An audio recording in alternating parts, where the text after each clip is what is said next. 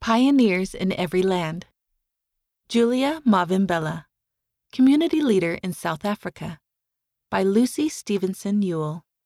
Church Magazines, based on a true story. Julia wiped her brow. Then she picked up her shovel and started digging. Right now, the ground around her was a patch of dirt, but it soon would become a beautiful garden. Times were hard for black people in South Africa. Laws there kept blacks and whites separate. Many black people had been forced to leave their homes and live in certain areas away from white people, and they couldn't vote. There had been violence in the township where Julia lived, and the schools were closed because of it. Sometimes it was dangerous to be outside. But that didn't stop Julia. She wanted to do something to bring goodness to her community. That's why she was starting a garden. Some children saw Julia working. Can we help? they asked. Of course, said Julia. She handed them each a shovel. She showed them how to loosen the soil and dig up weeds. Let us dig the soil of bitterness. Throw in a seed of love and see what fruits it can give us, she said. Love comes only by forgiving others. Weeks passed and more plants grew. Other people came to work in the garden.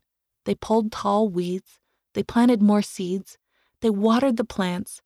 It made Julia happy to see so many people helping. One day, Julia met two young men. Julia was surprised because white people rarely came to her neighborhood.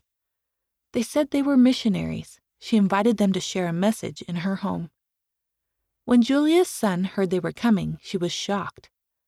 Why did you invite them? he said. They are white. It is not safe. But Julia trusted the missionaries. These men are different, Julia said. They are preaching peace. When the missionaries came, Julia welcomed them in. One of them noticed a photo on the mantel. It was from Julia's wedding. Who is that? the missionary asked, pointing to the photo. My husband, John, Julia looked down. He died in a car crash. The missionary nodded. We believe families can be together forever, even after they die. A feeling of peace washed over Julia. She felt happy to learn about God's plan and kept meeting with the missionaries. Love for the gospel grew in Julia's heart, just like the plants in her garden. Soon she decided to be baptized. At church, Julia met lots of new people. Some were black, some were white, but they all served and learned together. Julia showed the children at church how to help in her garden. We must be soft in our hearts like this soil, she said. We must make a place for the gospel within us. We must make a place for love. Thirteen years after Julia's baptism, the laws separating black people and white people in South Africa ended.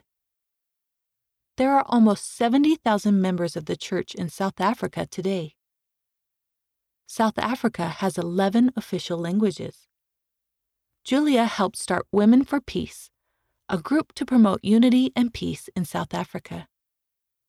She was one of the first temple workers in the Johannesburg, South Africa temple. Julia was a teacher. She taught children to read when they worked in her garden.